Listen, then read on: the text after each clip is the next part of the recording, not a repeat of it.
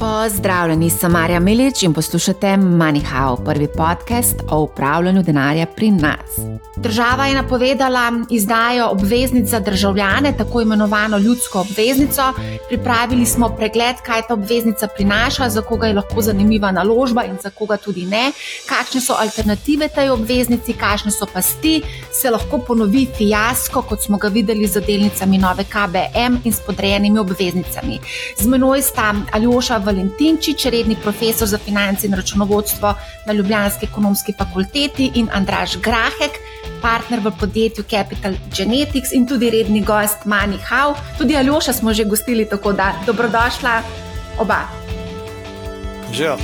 Živijo, živijo zdrav poslušalci Evo. in gledalci in gledalci. Um, a gremo na hitro samo pogledati, kaj je trenutno znano o ljudski obveznici. Uh, informacije, bom rekla, niso popolne in uh, vnašajo kar precej veliko zmedo. Uh, ljudske obveznice naj bi bile izdane v začetku februarja. Daj točno ne vemo. Ročnost obveznic bo tri leta, predviden obseg izdaje je 250 milijonov, minimalni znesek upisa bo 1000 evrov, maksimalni pa 100 tisoč evrov. Obresti iz obveznic skupaj z obrestmi iz denarnih depozitov ne bodo obdavčene do višine 1000 evrov, se pravi, te obresti se seštevajo. Kaj pa v tem hipu še ni znano, snemamo v ponedeljek 22. januarja, obrestna mera še ni znana.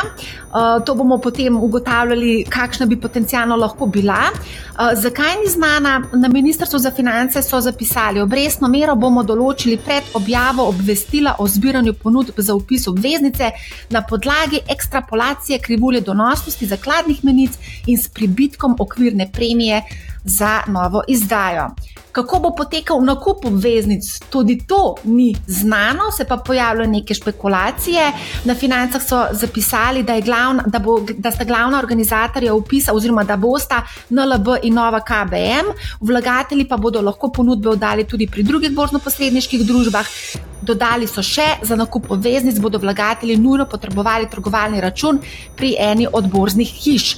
Na Ministrstvu za finance pravijo, da tega niso objavili, čež da tega in te informacije, da bo nakup možen samo preko trgovalnih računov, niso objavili.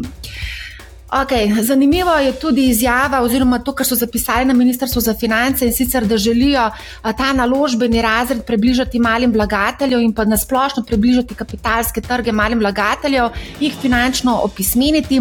Vendar se mi zdi, da so zelo slabo pripravili to obvestilce, ki so ga objavili na spletni strani, veliko je nejasnosti, prepušča se tako malim vlagateljem kot medijem, da špekulirajo in zdi se, da je vse skupaj bilo narejeno zelo na hitro. Mogoče mogoče celo iz političnih vzgibov, da pač dajo nek bombonček ljudem. Ob vseh teh aferah, s katerimi se sooča trenutno vlada, eh, mimo grede, novinarska konferenca je napovedana za sredo, kjer naj bi pojasnili podrobnosti. Eh, govori se eh, tudi to neuradno, da je informacija o izdaji narodnih obveznic prišla v javnost prehitro in da niso bili ustrezno pripravljeni na to. Skratka, če pogledamo, ali oša se vem. Če pogledamo, naprimer, kako je Hrvaška objavila to izdajo narodnih obveznic, vidimo, da so tam informacije zelo, zelo bogate. Celo navedli so, kolikšna naj bi bila minimalna možna ta obrestna mera. Povedali so v sporočilu za javnost 3,25, na koncu je bila 3,65.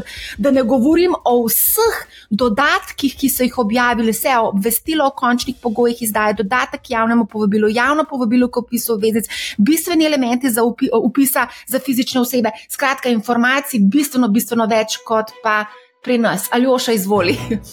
Ja, lepo zdrav še enkrat, da sem skupaj.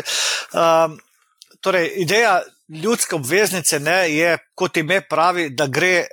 Za inštrument, ki bi ga ponudili ljudem na splošno, ne samo tistim, ki so že sicer aktivni na kapitalskih in finančnih trgih.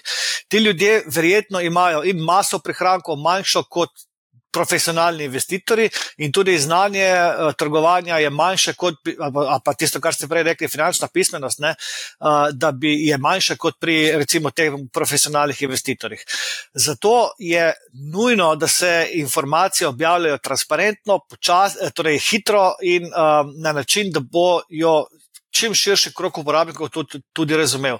Tako kot si rekla, ne mare na Hrvaškem, je, to, je ta stvar bila narejena tako, da so ljudje si lahko prebrali, se informirali, razmislili, imeli dovolj časa za razmislek in potem se odločili, da bodo investirali ali ne. In uh, tako da ta argument zdaj, da zmeda gore in dol, jaz mislim, da bi nek, dovolj časa je bilo, no, da bi se te stvari lahko pripravili, vsaj v okvirno, uh, dovolj naprej. No, da... Mogoče samo še to za dodatek. Ta ideja o izdaji narodne obveznice ni od včeraj. Napovedana ne. je bila že za jesen in se je potem predstavljala Tako. očitno na začetek februarja letošnjega leta. Andraš, še ti imaš kakšen komentar nad Ja, jaz imam spet tako občutek, da spet malo izumljamo toplo vodo tam, kjer tega ne bi bilo potrebno narediti. Zato, ker pač, um, recimo, kar velike praks, uh, ne samo na Hrvaškem, tudi po Evropski uniji, kjer so posebno prilagojene dožniške izdaje državne zakladnice, da ljudje dobesedno vrčujejo v tem, sploh Italija ima zelo dolgo zgodovino, recimo, tega, ne, stvari so relativno enostavne, na koncu tečene. In jaz bi nekako pričakoval, da če se tega lotiš, da vidiš to kot nek prvi korak k nekemu nekem širšemu okviru, ki bi ponudil državljanom neke alternative tudi za vrčevanje, ne, ne mogoče samo preko bančnega sistema, nekaj primarni, bom rekel, akumulator ali kako bi temu rekel, prihrankov ne, v slovenskem eh, finančnem sistemu. Ne, zdaj, stvar je zelo enostavna. Če se spomnimo, ne, um, država je bila neko bitko za bankami zaradi visokih dobičkov, ki pa iskreno povedano so, če danes to pogledamo, predvsem posledica tega, da je ogromno presežnih denarnih sredstev, ne vem, če ne rečem vrčevanja državljanov, sedi na računih pri bankah in seveda banke v tem trenutku so deležne, tako bi rekel, teh dobičkov ali pa ekstra dobičkov ali pa pozitivnih učinkov, če hočemo biti bolj diplomatski monetarne politike, ker pač ta sredstva avista dejansko čez nočno uh, vežejo za 4%. In zdaj najbolj logično bi bilo, da bi takrat rekli, da na nek način to subvencionirajo državljani zaradi posebnega strukturnega položaja, bi jaz rekel, slovenskega bančnega trga, kjer dve banke res praktično dominirata. Pač to je moje mnenje, v smislu, da imata bistveno niže stroške kot pa mogoče druge banke ali pa najniže stroške, no, da jemo tako reči. In pač to se je zdaj pač nekako, rekel, tako tipično fermentiralo nek čas, dokler ni mal tudi zaradi javnosti prišlo, a vi pa nič ne boste naredili. Ne? A, torej, a, se mi zdi, da je mal taka zgodba, no, ratala iz tega. Ja. Jaz se bojim, da je to zelo pomemben del, zakaj gremo zdaj v to izjavo, v, v to izdajo. Vse informacije, vse, vse, kar imamo do zdaj, dejansko kaže v to smer. Ročnost izdaje je zelo kratka, način izdaje je nepoznan, kako obse, torej celoten obseg izdaje je relativno nizek, in tako naprej. In tako naprej. Tako da, A lahko mogoče sam za začetek pojasnimo, kaj sploh je narodna obveznica in zakaj so postale tako zanimive. Izdali so jo v Belgiji, v Španiji. V Španiji smo lahko videli, da so ljudje dobesedno fizično stali pred Narodno banko, zato da so upisali te obveznice, ampak to se je vse dogajalo v lanskem letu. Na Hrvaškem so imeli uspešno izdajo, celo v Severni Makedoniji bila izdaja uspešna. Zakaj, kaj se je dogajalo lansko leto in mogoče zanimivo vprašanje, ali smo mogoče v Sloveniji zamudili idealni timing za izdajo. Okay, um, torej, na strani vrčevalcev v Sloveniji je problem ta, da imamo na bankah 27 milijard denarja. Ta denar, to je kapital, ki ni produktivno naložen. Zato iskati načine, kako ta kapital produktivno naložiti, je, bi rekel, nujna naloga. Posameznikom, ampak tudi države na, na, kot take.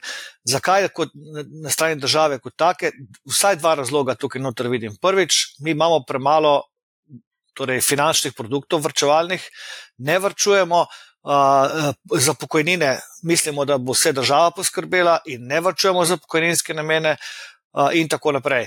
Uh, drug razlog, ne, zaradi česar je, je bilo treba to nekako poriniti no, naprej, jaz mislim, da je, da imamo v Sloveniji cel kup infrastrukturnih in podobnih idej, ki recimo temu, da se nekje na strani države projektirajo in bi potrebovali kapital. In zdaj bi bilo fino, če bi un neproduktivni kapital, ki je na bankah bil, dali nekam, kjer bi bil torej, do neke mere produktivno naložen, ne, magari z državnimi garancijami in tako naprej, in bi lahko izvajali eh, projekte, ki bi na daljši rok potem prinesli gospodarsko rast in, in večjo blaginjo za prebivalce, za, za državo in za podjetja. Ne.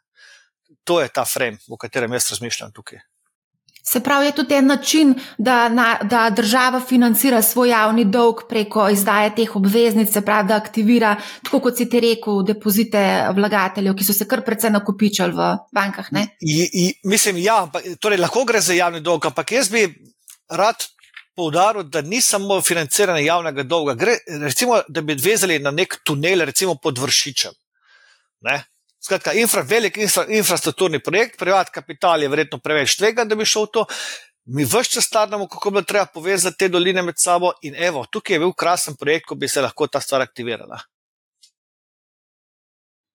Uh, mogoče, mogoče tudi uh, še ena dodatna stvar. Um, pač, uh, slovenska država vseeno se zanaša tukaj, ali pa reko, ima koristi, uh, zato ker je pač naša država del evroobmočja in smo pač na tem evrskem dolžniškem trgu. Uh, če bi na neki točki, bom rekel, se morali zanašati samo na lokalne institucije, če pogledamo vem, njihova celotna sredstva v upravljanju, te niti približno se ne približajo zneskom na depozitov, ki jih imamo na bančnem računu.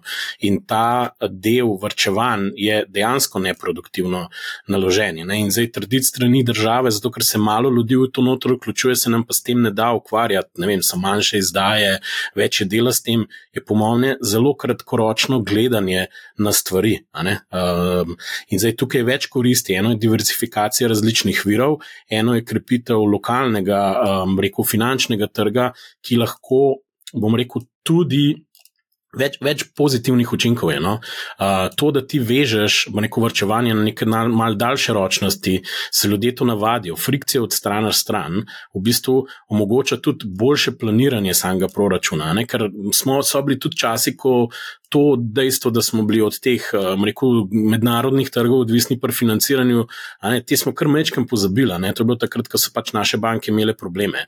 S tem na nek način tudi iskreno povedano, malo stimuliraš konkurenco na bančnem trgu, zato ker.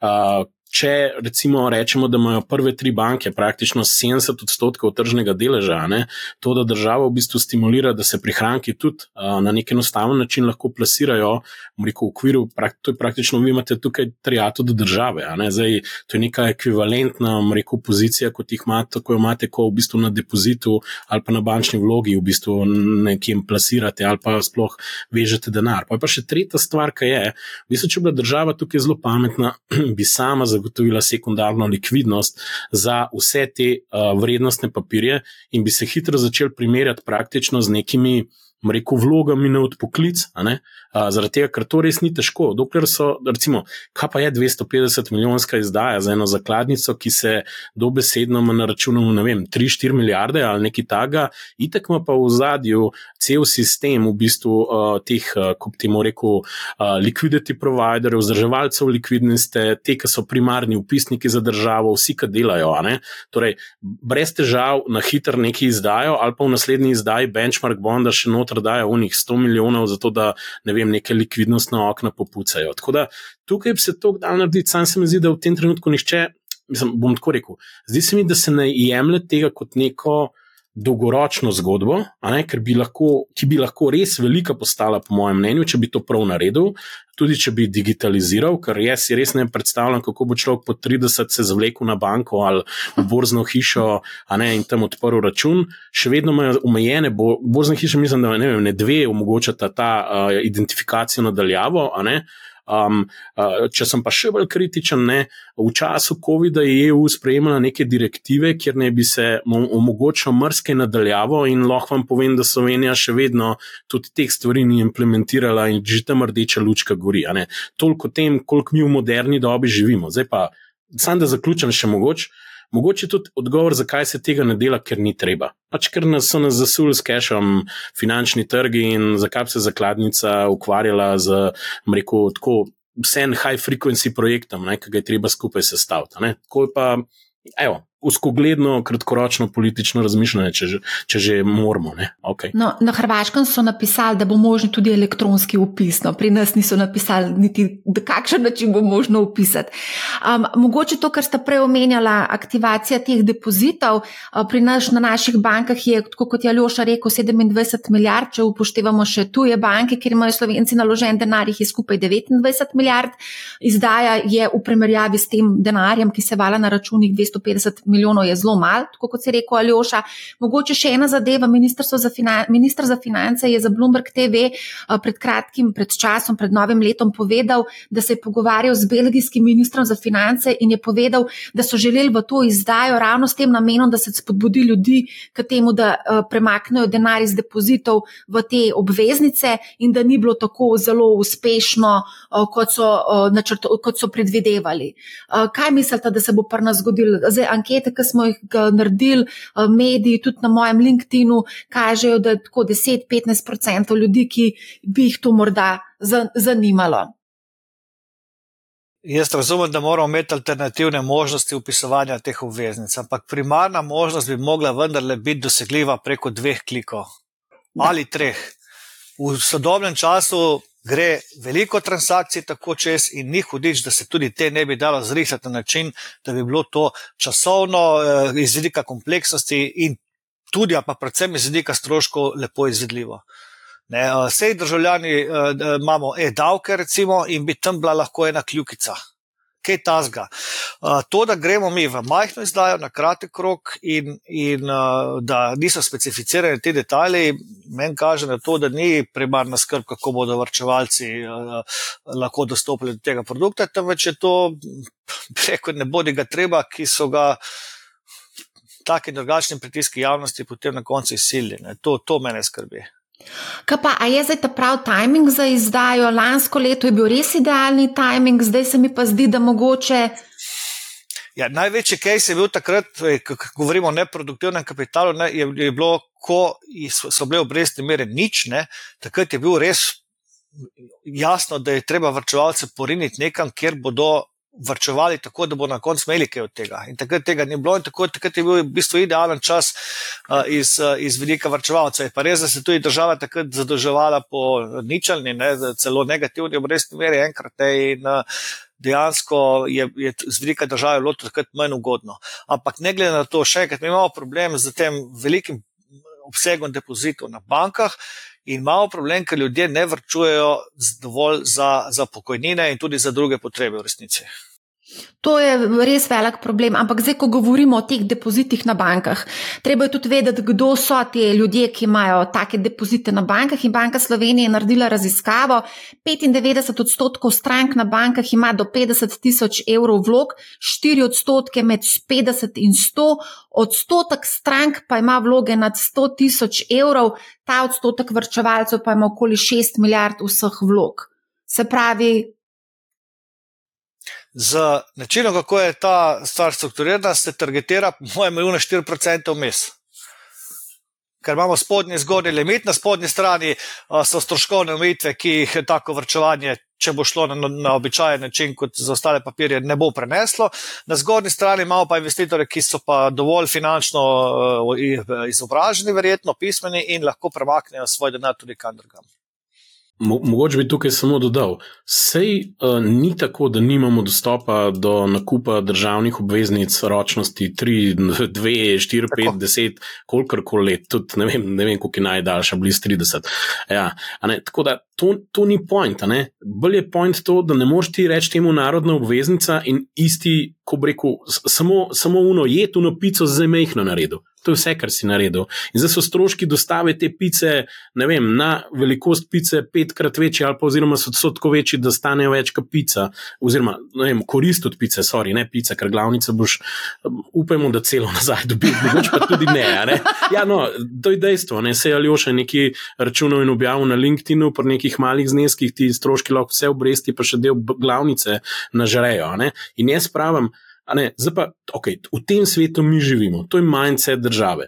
Zdaj se pa jaz neko, neko sobotno popovdne usedem, se onboardam lahko nadaljavo pri enem izmed borznih posrednikov, digitalnih, neobrokerjev, se tudi ne samo še neobrokerjev, ker vsi živi že vse živo ponujajo in dejansko lahko tudi slovenske obveznice kupim.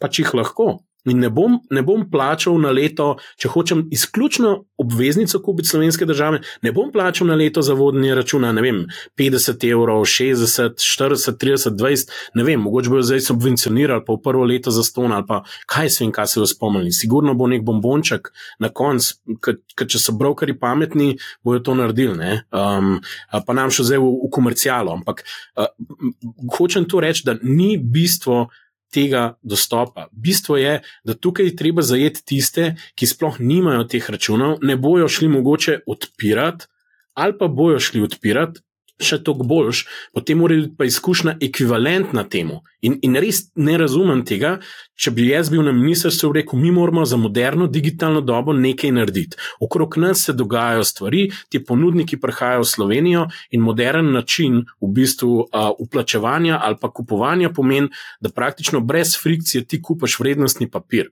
Zdaj, a lahko obesmo, se upravičujem, na ceno izdaje ali pa nekam v obrestno mero, ker se velike številke fiksne razporedijo na, na, na veliko izdajo, neke stroške in se z infrastrukturnimi providerji, brokerji, bankami zmenimo, kako se jo te stroški pokrili, mislim, lahko. Ker mogoče na koncu, če rade to velika izdaja, so to tako absurdno nizki stroški. Uh, je pa tudi dober point odprl Aljoša, ker davčna terja vsak klinčev v prost evro, ti pošljajo ne vem, koliko njih obvestil in, in kaj že točen. Tukaj bom pa jaz za trgovalni račun ne vem, kaj plačal, ker bom, bom sam držal tri leta, da mi v neko pončke izplačala. To je, to je na robe svet ratov, to je dobesedno. In, in če je narodna obveznica, mora vsako plačati, če hoče študent 50 evrov plačati, pa 50 vplača. Čisto enostavno, mora dobiti tu ne obresti, ker s tem ga bomo navadili, komu več kapitala, da obstaja ta pot.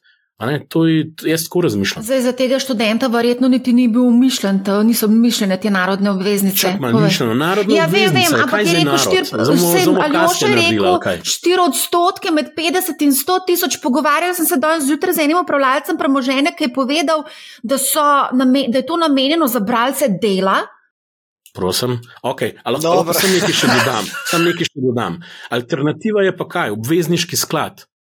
Dajmo pa pogledati, ne, v končni fazi, a tam, tam je pa kul, cool, da 10-20 evrov dajemo not, pa so provizije tudi, ne vem, tudi, verjetno grejo tudi do odstotka na leto lahko. Ali lahko mogoče vsem, ali, ali še da jim povej. To, to sem hotel reči. Zelo lep primer ljudske obveznice mi je kanadski primer, ko so izdali ljudske obveznice za pomoč Ukrajini. In obrestna mera je bila v rangu, o katerem se zdaj pogovarjamo, za te naše obveznice, minimalni znesek je bil pa 100 dolarjev. To je ljudska obveznica. Ko vi za nek plemenit namen, za nek dober namen izdate obveznico, uh, in, in, ki je omogočena, kar se da široko, nakup katere je omogočen, kar se da širokomu krogu ljudi.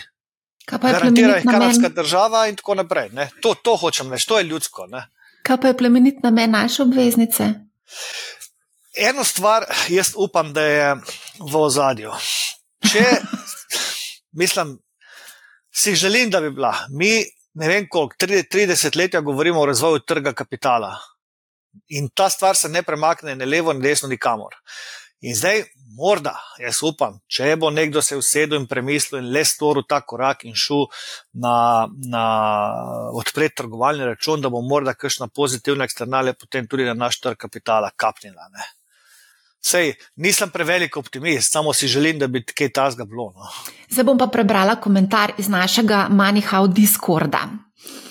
Dokler so na Trade Republic 4 odstotne obresti, pri čemer je odpiranje računa dosti bolj enostavno, sredstva niso vezana, hkrati pa donos ne zmanjšujejo stroške odpiranja, vodenja, vzdrževanja in tako dalje, je nakup takšnih obveznic za male vlagatelje, ki imajo do 50 tisoč, nesmiselen. Dobar, res je tudi, da obresti na Trade Republic niso fiksirane, lahko se že recimo jutri spremenijo, pre, o, o, o naravni obveznici pa v bistvu v tem trenutku ne vemo, kakšna bo obrestna mera, ampak nekako se špekulira od 3 do recimo maksimalno, to je res maksimum 3,5. Kako pa recimo to komentiramo? Vse obstajajo alternative, vse Andrej še danes že omenil. Pač to, Mislim, to, je bil, to je bil točen point, po point, mojem, ja, tega ja. outbreaka, pogorčenja, ki smo ga mi imeli. Zato, zato, ker v bistvu kaj naredimo, klej tole vzamem, telefon, halo, živijo, klej imam jaz državne obveznice. Kaj, zakaj bi šel na banko, zakaj bi pa še drug štos je, ok, tukaj pač, um, tukaj v bistvu govorimo o da jim reč, ne vem, kar koli pa že o vlogi, ki je na Trade Republic ima zdaj bančno licenco, ne, je ekvivalentno, kot da bi NLB na vista sredstva ponudila 4 odstotke, recimo. Ne. In zdaj se vsi sprašujejo, zakaj je to možno. Mislim, zato, ker je poslovni model popolnoma drugačen, enega NLB-ja, pa enega Trade Republica. Ok, če hočete, gremo še v to mečken, da boste razumeli. Trade Republic imate isto jamstvo do 100 tisoč evrov, zakaj bi za 4% ponujali obrestovanje tekočega sredstva na bančnem računu, nekdo rekel. Jaz bom pa odgovoril zato, ker jim ECB in Christine Lagarde financira pridobivanje novih strank. Customer acquisition za tem je skoraj ničelen in milijoni in milijoni se danes za to odločajo, ker pogledajo, ja, mogoče državno krivuljo pa je tri, tukaj pa štiri. In zdaj težava je pa točno to, kar si ti rekla, Gremo še v to noter, ker včeraj sem poslušal nemški podcast, ker se je združenje nekih konzumentov pritožilo čez oglase od Trade Republica, čež da nikjer ne piše, da oni lahko zmanjšajo to obrestno mero ali celo ukinejo to obrestovanje jutri in, in, in celo razmišljajo o tožbi za zavajajoče oglaševanje. Evo, če že glih, če že glih hočeš. Ampak, Se to je na mestu. Ja, point je en drug. Se jaz lahko kupim pa slovaško obveznico na Trade Republicu, niti ne na tekoča sredstva. In moja zgodba bi bila, ministr za, za finance, uh, halo Berlin, uh, mi nimamo infrastrukture, a je kakšna možnost white label rešitve, ki jo lahko ponudite za državo, da bo vsak se remote identificiral in upisal te obveznice. Ali pa druga stvar, halo Furs, a lahko združimo sisteme, da to olajšamo ljudem, ali pa tri, halo tiskarna Andraš, a mogoče lahko fizično izdamo eno znamkico, sam, sam, sam da ne bomo um, rekel, te stroške hudičeve KDD-ov in vseh bogih posrednikov, ki umirajo od tipkanja in pretipkavanja podatkov ljudi imela. To, to, ja, no, pač ponudil sem tri možnosti. Ali pa četrto, če hočete, blockchain. Ok, dajmo na blockchain, boš že tonček dobil in to dokazoval, da si imetnik in imaš ekonomsko pravico do kupona in vračila glavnice. Mo, a, do, lahko še nadaljujem, če hočeš. Ne, vse v redu. A gremo lahko, prosim, sam na tole, kar smo na začetku rekli, da bo možno nakup uh, to, kar so finance pisale, uh, da bodo nujno potrebovali trgovalni račun pri eni od borznih hiš. Uh, to pa je zelo pomembno, ko govorimo o investiranju v te obveznice, ki imajo relativno nizek donos in vsak strošek v bistvu znižuje naš, našo donosnost. Mislim, da je celo ena od odborznikov, odborznih družb celo napovedal, da bo kao mal znižal provizije. Aljoša, da ti povej, kako ti si izračunal, objavil na LinkedIn-u, pa mogoče če lahko predstaviš, kako si izračunal. Ja, torej. Um pri nizkih uh, obstoj, obstoj uh, teh uh, borzno-posredniških uh, provizij, razno raznih, je sestavljen iz dveh kosov. Fiksnega dela, ki je ta uh, strošek vzdrževanja računa, in potem vsakič, ko se kupon izplača, so tudi variabilni deli, pa še nadomestila stanja in tako naprej. In tako naprej. Uh, plus davki. Davki pridejo noter nad 1000 evrov uh, obresti. In zdaj, ko to poračunaš, kdaj se splača nositi te stroške in uh, kdaj se splača torej, uh, investirati zaradi davkov, potem prideš, da je nekje nek minimalni potrebno vsek investicij, zato da se te stvari vsaj normalno nekje pokrijo okrog 30 tisoč evrov. To je pa že velik znesek. Sploh po tem, kar si prej povedal, one statistike, ne, uh, je velik znesek. Če bi bila obrestna mera nižja, je ta delež še bolj pomemben na koncu. Ne, poriva ta minimalni znesek gor proti 50 tisoč. Tako da v to smo mi ujeti. Ne. Zdaj, um, nič nismo povedali o obrestni meri. Zdaj, tudi na Ministrstvu za finance niso nič napisali, to je trenutno neznanka, mogoče bodo v sredo, v sredo na novinarski konferenci kaj več povedali, ampak ko se pogovarjamo z upravljalci premoženja, z poznavalci tega trga, imajo nekako predstavo, da tam do 3,5, max, že 3,5 je zelo veliko. No? Jaz ne verjamem, da bo 3,5. Koliko ti misliš, da bo? Jaz zgornja meja se mi zdi po teh eh, številkah, zdaj, ki so nekje na mizi, uh, tam 3-25 maksimalno. Ampak, kot pravim, raje manj kot plus. Torej, uh, Mislim, da je zdaj triletna držav, držav, držav, državna obveznica, mislim, da je 3%. kot sem gledala na zadnje. Se pravi, Ja. tukaj je verjetno neka premija, ki je treba uračunati, zaradi tega, ker gre za narodno obveznico. Ne? Pravijo, da 10, 20, 30 bazičnih točk. Se pravi, smo na tem pri pr tvojih 3,25. ne? Ja, samo jaz ne bi stavil na to, da bo država zdaj, ko se lahko zadolžuje po nižji obrestni meri, normalno na tujih trgih, lepo kar naenkrat reka, zdaj bomo pa mi zavestno šli v to, da bomo dali v navednicah subvencijo za domače vrčevale, vrčevalce v višini 0,25 odstotne točke. Ne. ne vem, si ne predstavljam, da velja tak mindset. No. Mogoče gre pa tukaj za subvencijo božno-posredniških hiš, preko katerih se bo očitno moralo to pač delati. Ne? Možno. Andraš, kaj pa ti misliš? Mislim, da je stvar enostavna. Če pri zneskih, pri nekaj tisoč evrih, gre vse za stroške, pol se res lahko sprašuješ, where did the money go. Tako da, ja, ne, pač. Um, zato pa jaz pravim, da to mora biti del nekega dogovora in odgovornosti vseh, ki tukaj sodelujejo. Ne more tako funkcionirati, da se en na ministrstvu za finance spomne na upravi razgovorov pri deležnikih, tudi pri tistih, kjer vsta silna sredstva ležijo v končni fazi in se pač nekaj zmenijo. Ne? Najbolj absurdno je, da imamo, ne vem, 30 konferenc vsako leto, ki se filozofira vsem živem in ta folk tiči skupaj glave in vem, ima tam zakuske, treba nek produktiven projekt skupaj narediti, pa ne vem, pač je veliko preveč nejasnosti v tem trenutku. Jaz upam, da sem preveč kritičen, se z veseljem upravičen kasneje, če sem, ampak nima veze, v tem trenutku pač to ni jasno. Uh, tako da zdaj ena logika, zakaj bi bila lahko malo višja obrestna mera. Vprašanje je tukaj res eh, velikosti izdaje in likvidnosti sekundarne, ki jo bo človek dejansko imel. Tako da ne vem, mogoče bo šel še ti kaj v smislu likvidnostna premija, tukaj mogoče je 10-20, ne vem, bazičnih točk, kaj pa jaz vem. Uh, ena stvar, ki bi lahko bila, je točno to, kar si ti rekla, da bi se pač vsem stimuliral nek trg, ker efektiven strošek dodatnega zadolževanja, če pogledamo, koliko dolga ima Slovenija in teh 250 ubogih milijonov, tudi če bi jih po 10% vendar, se to efektivno ne prav hudičevo veliko poznali, je pa vprašanje pol, ker seveda je težava, ker Včasih se, ne vem, v medijih smo doskrat ali pa v javnosti zelo, jaz temu rečem, penny wise and pound foolish, so kakšen trapaz znesek Res je. zapičmo za par tisoč evrov, rekel, ko je nekdo oškodoval državo, pa pa se zgodijo milijoni, dobro, se tisto, tistem se tudi pol pogovarjamo. No? Ampak tukaj, tukaj, tukaj je bolj, mislim, da zgodba to, če želimo graditi infrastrukturo finančnega trga in uravnotežiti ta trg, da se vključujejo tudi državljani, ker o čem jaz vidim res velik problem signala, ki ga tukaj dajemo. Spet dajemo signal, da tisti, ki jih, ne vem, državljani, ki imajo povprečno plačo, se jim ne splača in nimajo v bistvu dostopa na normalen način, da vrčujejo v državni obveznici. To je izjemno slab. Signal. Jaz se kar z oko od žalosti, ko to govorim. Mislim, da je bilo na Res, Hrvaškem 500 evrov, da je bil na, minimalni eh, znesek. Um, ampak vsem, zdaj, to kalkulacijo, ki jo je naredil Aljoša, kaže evidentno, da pač za 1000 evrov bo poštevanje vseh teh stroškov in vsega, pač, a ima to kakšen smisel? Ne, 1000 pri evrov je 1000 evrih prenizko. sigurnih, ne, ne, ne, ne, to mora imeti. Uh, uh, mislim, da je tam pri, pri 4000 se začne. Sej, sej lepo povedal Nula. ta. Da je ta v nula pri bistvu. 4000. Ja, ma to, je- to je premalo, mislim, premalo. To je za, nek, za, za donos ne, je, pri, tej, pri, tej, pri tem znesku enostavno prenizek. Ne.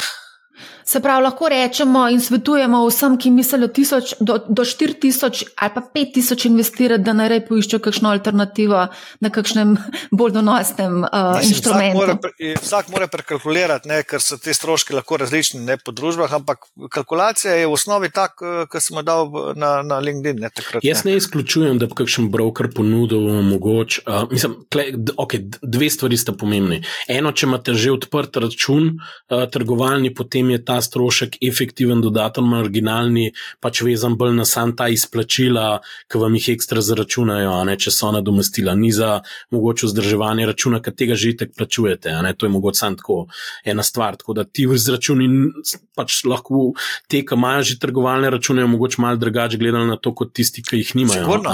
Ampak. Ja, dej, dej, point ljudskih obveznic je, da zajameš une, ki niso še tako, tam. ne. tako, se to sem pa v No. naslednjem koraku Ok. hotel reči. ne, Da v bistvu, ne, jaz ne izključujem, da ne bo kakšen broker ponudil možnost nekega brezplačnega trgovalnega računa, ne vem, mogoče sam za ta namen. Ker bom sam razložil, ne, zakaj. Ker to je igra številka. Ne?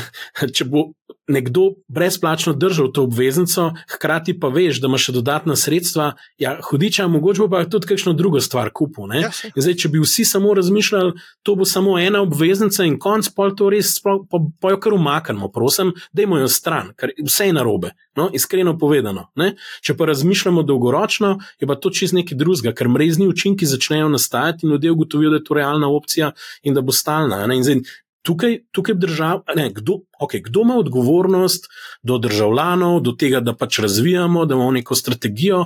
Ja, tukaj imaš kar in platno, vseeno v rokah država.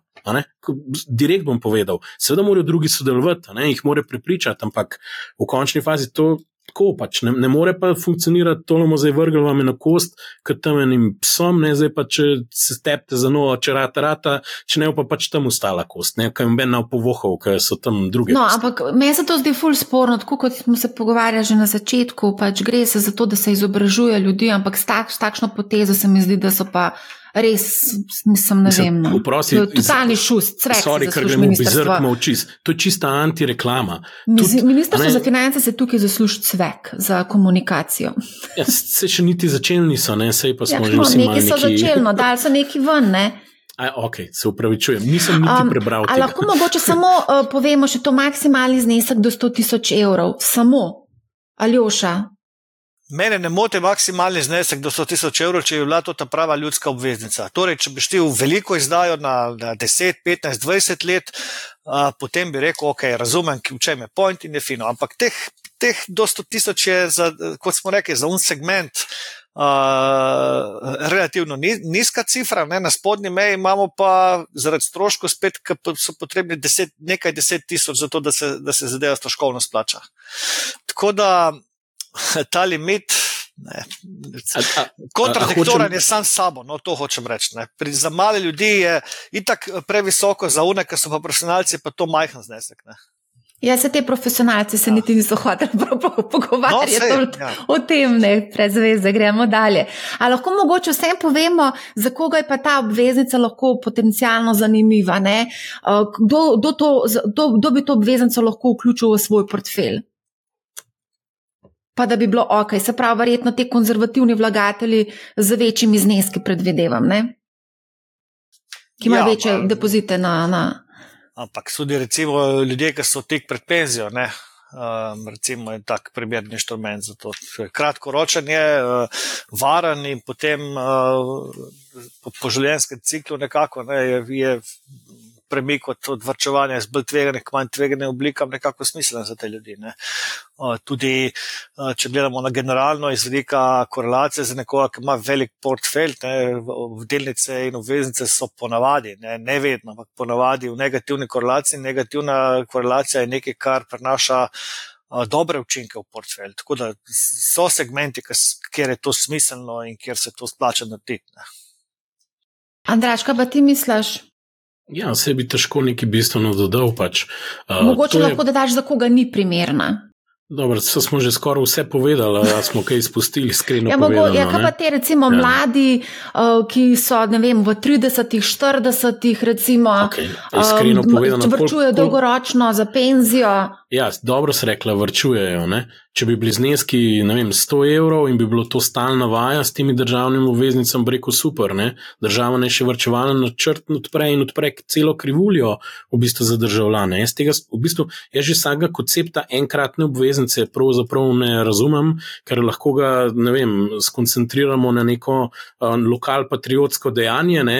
razumeš in pa smo zaključili, dajmo, dajmo to mal več narediti. In, in ja, primeren je, tako kot je rekel Aljoša, torej, uh, treba je poštevati stroške, tako da zneski, tudi če v kakšni popusti ali pa že kaj imate, bojo hitro 10-20 tisoč evrov in več, nekaj 10 tisoč evrov, verjetno. Um, pol boste že hitro se začeli sprašovati, koliko dobim zavezan depozit pri banki, uh, recimo, ker če je likvidnost zelo majhna, pa te težko to v bistvu naučili, ne bojo banke hitro rekle, jo pa kaj se matrate, gospod, gospa, ker verjetno se je obrl s takimi nažalost pogovarjali, ker ne predstavljam si, ko nekdo mlad po 30 mu nekaj 100 tisoč evrov tam, oziroma če jih ima, verjetno ga itek ne zanima uh, taka, taka oblika. Mogoče bi ga zanimalo v tem smislu, imam denar tukaj, pa čez tri leta, dve, tri leta, ne vem, bo mogel nekaj plačati ali pa kupujem nek stanovanje, pa tja mal parkiral. Ampak, tako kot si sama rekla, odprl bo neko platformo, gotovo bo, ne vem, da je pač tam neka neobanka. Slišali smo tudi, da N26 ne, naj bi začela ponujati različne možnosti, tako da Revolut in drugi. da vs, mogoče boš imel vsak mesec možnost nekaj vezati in malo predstavljati in to v relativno hit. Stroški so pa mislim, iskreno povedano, na, na en stran NLB ne ponudi neke, recimo, širše opcije, pa gre kaj do zakladnice, pa reče, lej, mi imamo vse, kar rabimo, da imamo nekaj narediti, ne? po drugi strani pa, jaz, ki sem komitent v soboto, nakažem na N26, ki ima tam pač nek račun, je pa v, v eni sekundi gor denar. Ali ni to ja. nekaj nevrjetnega? Mislim, amazing, ne? tako da to je super reklama, ali kva že točen. Ne? Tako da je, vem, prepričan sem pa, da je ogromno državljanov, ki jim to, da imajo na nekem digitalnem cloudu račun, zelo. Ni jim blizu, ker nimajo zaupanja do tovrstnih rešitev, in te bi, po mojem, primarno, verjetno, uh, šli uh, nekako mislim, prvi korak naredijo, vzpostavijo neko zaupanje s kapitalskim trgom, ugotovijo, da, da je v zadju nekaj predvidljivega in da bodo dobili plačila in da obstaja alternativa banki. Jaz vidim, jaz vidim ta segment in iskreno povem, od tega zneska, ki je na računu večino. Denarja je od tega segmenta. Sej niso mladi tisti, ki imajo največji vem, prispevek k uh, stanju vlog, ne, o tem, ne vem, da imamo zaokrožiti k malu 30 milijardam v bančnem sistemu. To je dejstvo. Mogoče kdo, ki tudi kakšno nepremičnino samo za ne vem, naložbo kupil, bi razmislil, če mu možnost redno, recimo, ali pa za dlje časa plasirati sredstva, bi pa pač tudi neki sem noter dal, ne? pa kakšno neumnost manj mogoče naredili na trgu. Tako da uh, to je dejstvo. Ne? Um, A, lahko ne? mogoče gremo samo še malo na teorijo in sicer um, vidimo, da imamo kuponsko obrestno mero, potem pa imamo še obrestno mero letno, to kar, se, to, to, kar je v bistvu donosnost obveznice. Ali još lahko mogoče pojasniš, kako se to, zakaj je kuponsko obrestna mera načeloma malce više od te donosnostne obrestne mere, če lahko rečem. Ne, ni nujno, da je. Ključni podatek pri obveznicah je donosnost do dospetja. Torej, koliko bom zaslužil v procentih na leto, če danes kupim obveznico, jo držim predvidoma do dospetja in pobiramo mes kupone. Če držim obveznico do dospetja in dobim vse one kupone, ki so gor pisali, potem vem natančno, koliko, koliko procentov bom na leto zaslužil uh, od te obveznice. Kuponska obrestna mera je nastavljena, torej nam pomaga samo toliko, da lahko določimo, kolikšen znesek obresti mi dobimo ven vsako obdobje. Ampak to je eden od dohodnih podatkov potem pri uh, izračunu uh, donosnosti do dospetja. Samo to. Ja, zdaj, pri izdajah obveznic je res tako, da mogoče v zadnjih letih jih je več takih, ki so izdane z z diskontom, to pomeni, da so kuponi nekoliko višji, uh, so prečujem nekoliko nižji, ne? Uh, in potem je, um, je prodajna cena nižja od nominalne vrednosti in mora investitor nadoknaditi del te donosnosti v obliki kapitalskega dobička. Ampak generalno, uh, kot pravim, odnos med, med, med, tem, kakšni ne bojo kuponi in to je, je odvisno od, od, načina, od načina izdaje, odvisno od tega, komu se obveznice prodajajo in tako naprej. Ne? Mogoče sem še za informacijo, malce sem tako neuradno preverjala pri tujih neobrokerjih, če bi jim bila zanimiva, da, zanimivo, da bi to narodno obveznico uvrstili v svoj, v svoj ta seznam naložb. Seveda je bil odgovor, da je pač preniska izdaja in pa da so namenjene te obveznice zgolj in samo slovenskim državljanom in zaradi tega jim pač to uh, ni uh, zanimivo. Um, a vas to kaj preseneča?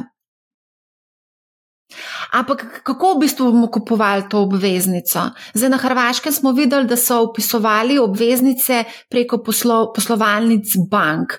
Pri nas pa v bistvu, ne vem, zdaj finance so pisale, da bo treba imeti trgovalni račun pri enem od verjetno slovenskih brokerjev. Vsi vemo, da so te slovenski brokerji, kot smo se že pogovarjali, nekoliko dražji od tujih brokerjev. Lej, Mogoče samo tako. Mislim, da je treba malo razložiti akt, kako poteka izdaja. Sam tako ne bom preveč zakompliciral. Um, pač pogoji morajo itak na dan opisa biti jasni in tukaj bojo pač mogli biti razgrnjeni pogoji v detajle. Ne. To, da jih zdaj vnaprej ni in da jih je še premalo, sam pomeni, da pač ne vem, mogoče niso čistam ali pustimo to. Ampak na dan, ko boste opisovali, bo pač tam nek ponudbeni dokument, kjer bo te stvari noter jasne. Ne. Zdaj, v ponudbenem dokumentu tudi zapisano vse, kje lahko opisujete, na kakšen način opisujete, kakšne vem, dokumente morate izpolniti in to bo vse v bistvu dogovorjeno. Ne. In recimo, en tak dokument, da jim bomo reči upisnica, ne vem, vsakič si izmišljuje, kako dajo ime temu klinčevemu obrazcu, oprostite.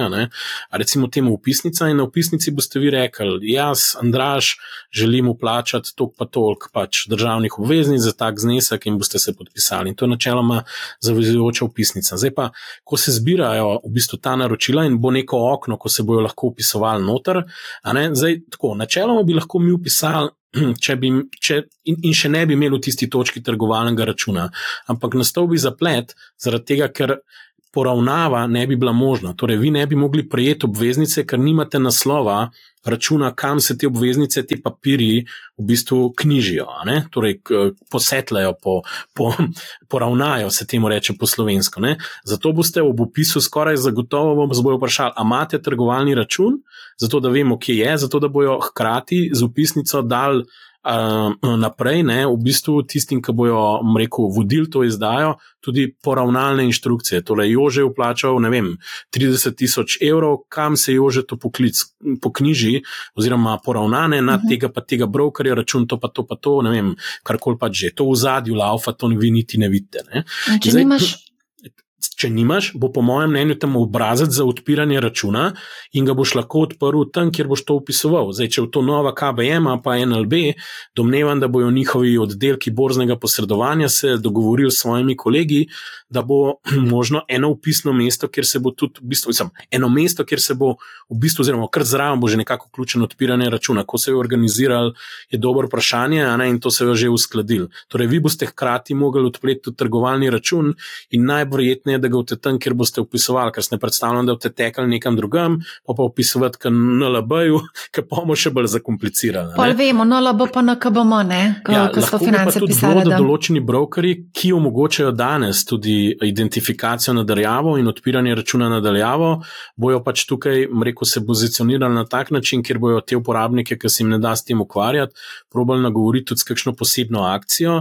Ne, zdaj ne bomo imeni govoril, ampak mislim, da je ne dve borzne družbe zagotovo to omogočata, po mojem mnenju, tudi slovenske, ne, tako da mogoče tudi kakšna več. Ne, um, uh, ne bi bil rad krivičen, pa nam zdaj meni govoril, da mogoče še enkrat pogledati. Mogoče bo kakšna tudi to odprla kot opcijo tega, tako da v tem primeru boste pa pač uh, te papirje lahko nadaljavo uredili. Jaz Mislim, res bilo smešno in absurdno, da bi se vrsta za državljanske obveznice v sodobnem času uh, naredila. Ne? In um, ne vem, nekdo mi zanč rekel, da vsaka vrsta je na nek način umetno ustvarjena v modernem času. To pomeni, da sam nisem predvidel, da te ljudem ne bo stati treba v vrsti v banki na šalterju, ker bi to lahko drugače uredil. Tako bom rekel. Ja te vrste mene izrazito motijo. Ne? Mi želimo iti stran od teh vrst. Mi ne želimo, da imajo ljudje v mislih, kadar bodo se odločili za, za vrčevanje, da imajo v mislih problem, ki morajo čakati v vrsto in tam neki čakati in izpolnjevati papirje. Jaz ne bi rad tega videl. No. To mora zginiti iz, iz naše parlaance vsakdanje. In, uh, ja, da... A lahko mogoče še en pomislek, ki smo ga dobili od potencijalnih vlagateljev ali pa ne vlagateljev in sicer. Tukaj sem dobila en komentar na LinkedIn-u, ko mi bo Slovenija vrnila izbrisane delnice in obveznice, ki sem jih izgubil v državnih bankah. Idealna prilika, da bi nam država podarila te obveznice za protivrednost izbrisanih vrednostnih papirjev. Pa da imam mogoče mečkan za osvežitev spomine za vse tiste, ki niso bili priča izdaji delnic nove KBM in pa podrejenih obveznic. Kaj se je pravzaprav dogajalo?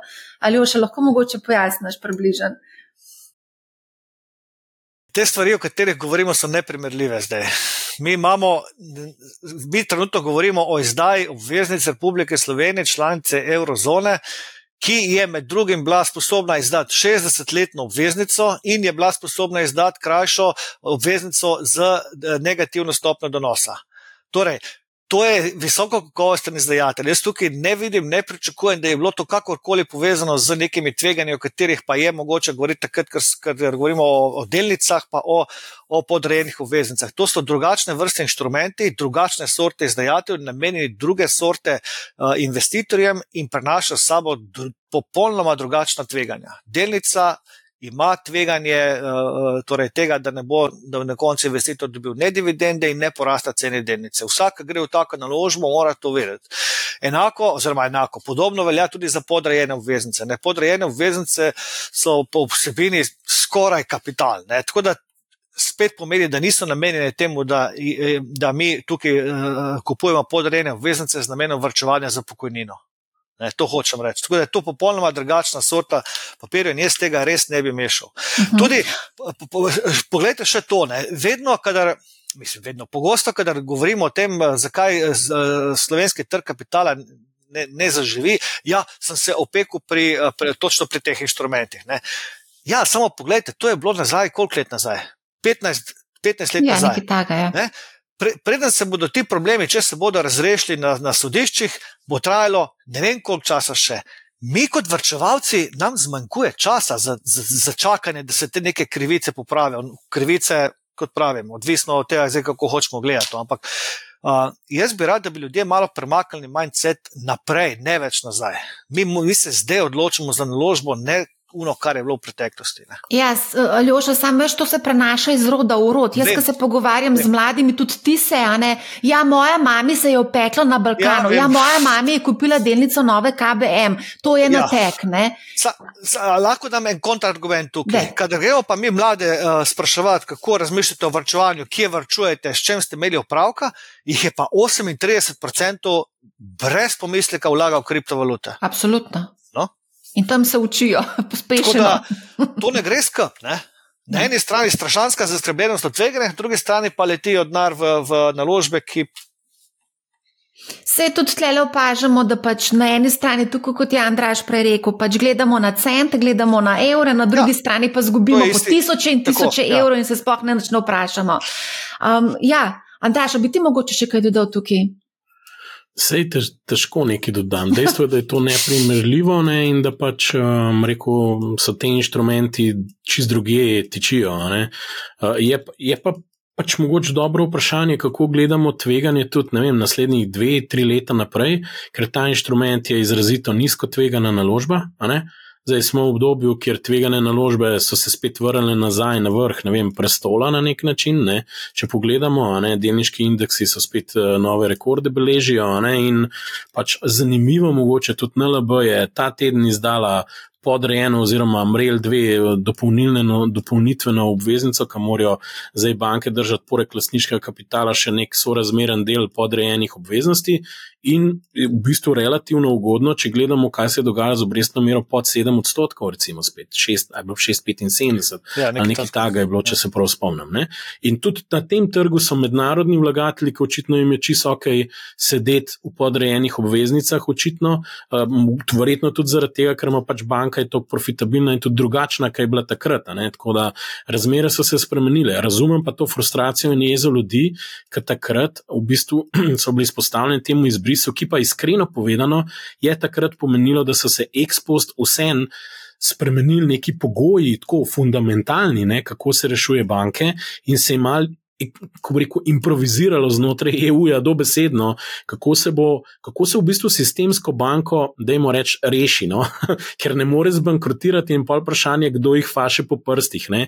In v Sloveniji pač je prišlo do tega, da so jih fasali po prsti tudi vsi ti, ki imajo podrejene obveznice, poleg vseh sodelnic držav. Eh, če se mal pohecam, A veste, država je izbrisala sebi delnice, v bistvu tudi najprej, potem je pa on top dokapitalizirala banko. Ne? Tako da so tudi sami v smeti vrgli svoj delež, pa so ga pa dokupčkala. Zdaj, če bi NLB ne bi bila tako uspešna, kaj je bila od tiste točke naprej, tudi vprašanje bi denar nazaj dobil. Ne?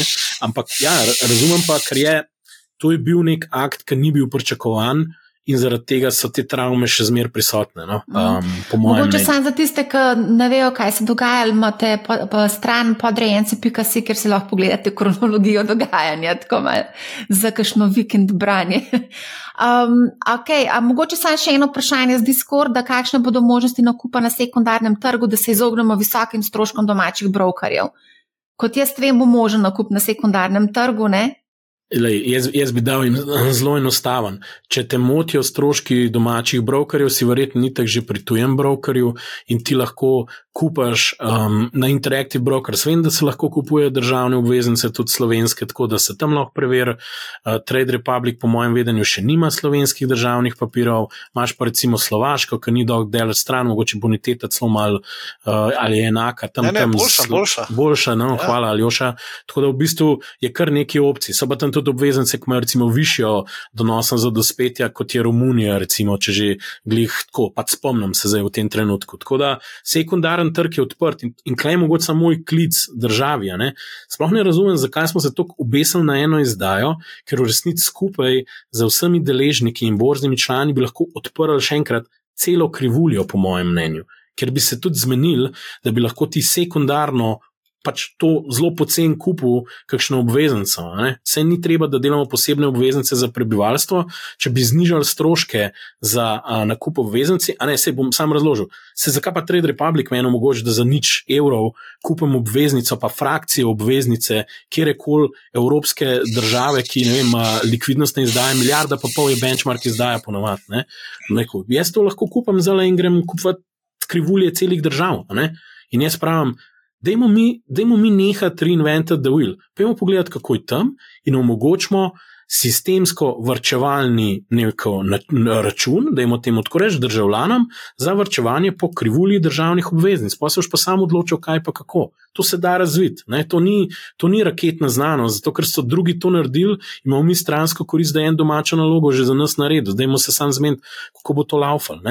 Zdaj, zdaj pa spet, aha, zakaj ne? ne vem, rad bi slišal razloge, spet bomo v sredo verjetno, zakaj ne. ne? Mislim, bomo v sredo. Se več čas poslušamo, zakaj ne.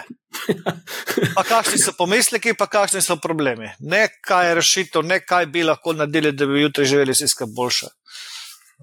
Ja, no, se, se omenja tudi nek davek na premoženje, ne samo na nepremičnine, ampak tudi na širši, premoženje širši koncept. Ne?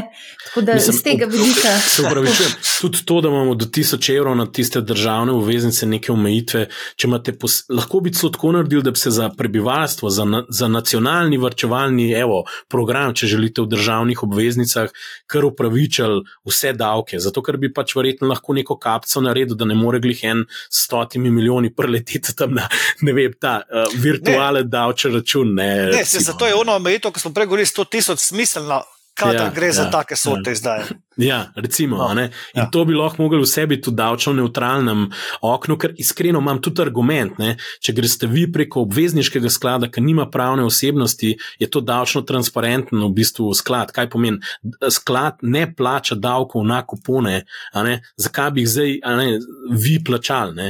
pa vam jih tudi na koncu ni, ni treba, če v te 20 let držali tudi kapitalskega dobička plačati. In sploh ne razumem države, zakaj moramo to kolovratiti za ljudi, ki vrčujejo za doda še za dodatke dodatno pokojnino, ki bog si ga vedi, koliko jo bomo imeli že v štartu. Tako da čas je zdavnej, da vem, odpremo in damo poseben status za široko vrčevanje za pokojnino, ker pravice, oziroma drugače, potrebe za financiranje vseh živih blagajn samo še rastejo.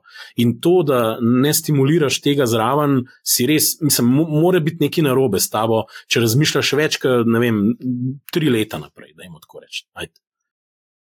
Um, a mogoče lahko samo še to omenim? Recimo, preverjali smo, kako je trgovanje s temi narodnimi obveznicami v Makedoniji in na Hrvaškem.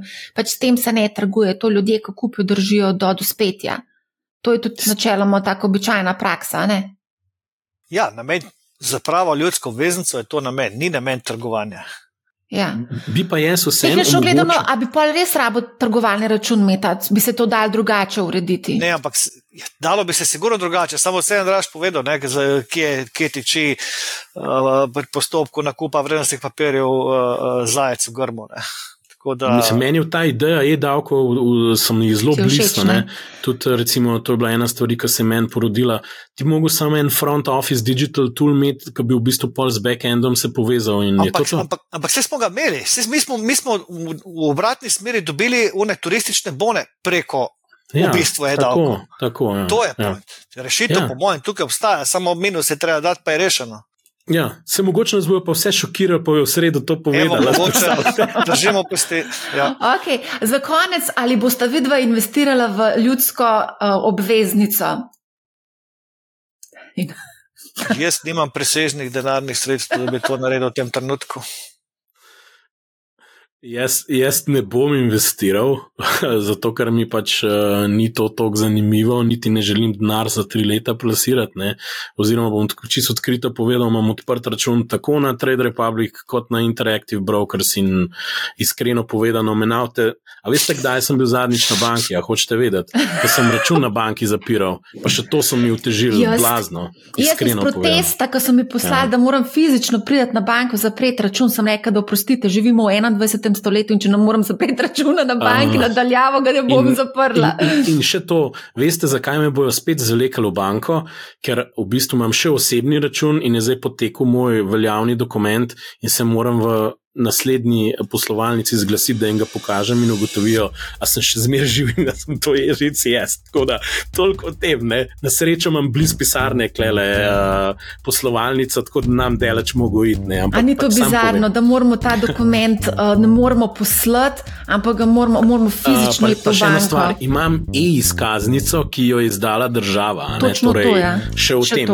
Ne, ne, se jo ni izdala Jožetu ali pa Culu, ne vem komu. Uh, tako da to, to je, to okay. je tudi zabaven moment tega. No? Ja, ampak ja. no, ker smo bili pri tem prijeli izkaznici, ne osebni, jaz jo tudi imam ne, in sem jo celo probo že uporabiti. Ne, in sem dobil, da ja, jaz pa za to prvič slišim. Od koga si dobil to odgovor? Ja, od ene nasprotne stranke, ki bi mogla te stvari dobro poznati. Ja. V bistvu no. to pomeni, da moramo mi izobraziti to, nekaj bi mogli vedeti, da bi ja. znali uporabljati. Evo, to. Super. To. okay, super, najlepša hvala za odlično debato. Mislim, da smo naredili en uvod v narodne oziroma ljudske obveznice. Zagotovo bo pa treba dodati še potem v sredo um, dodatek, ki bo pač ministrstvo za finance se mogoče malo bolj zjasnilo, kakšno obveznico pravzaprav izdaja. Tako da zaenkrat najlepša hvala. Hvala vama za povabilo. Ja, hvala. In za dobro družbo. Hvala, hvala, Ljoša, hvala, hvala Marja. Hvala tudi vsem, ki ste nas danes gledali in poslušali. Poslušajte Manihau, ne bo vam žal in lep pozdrav.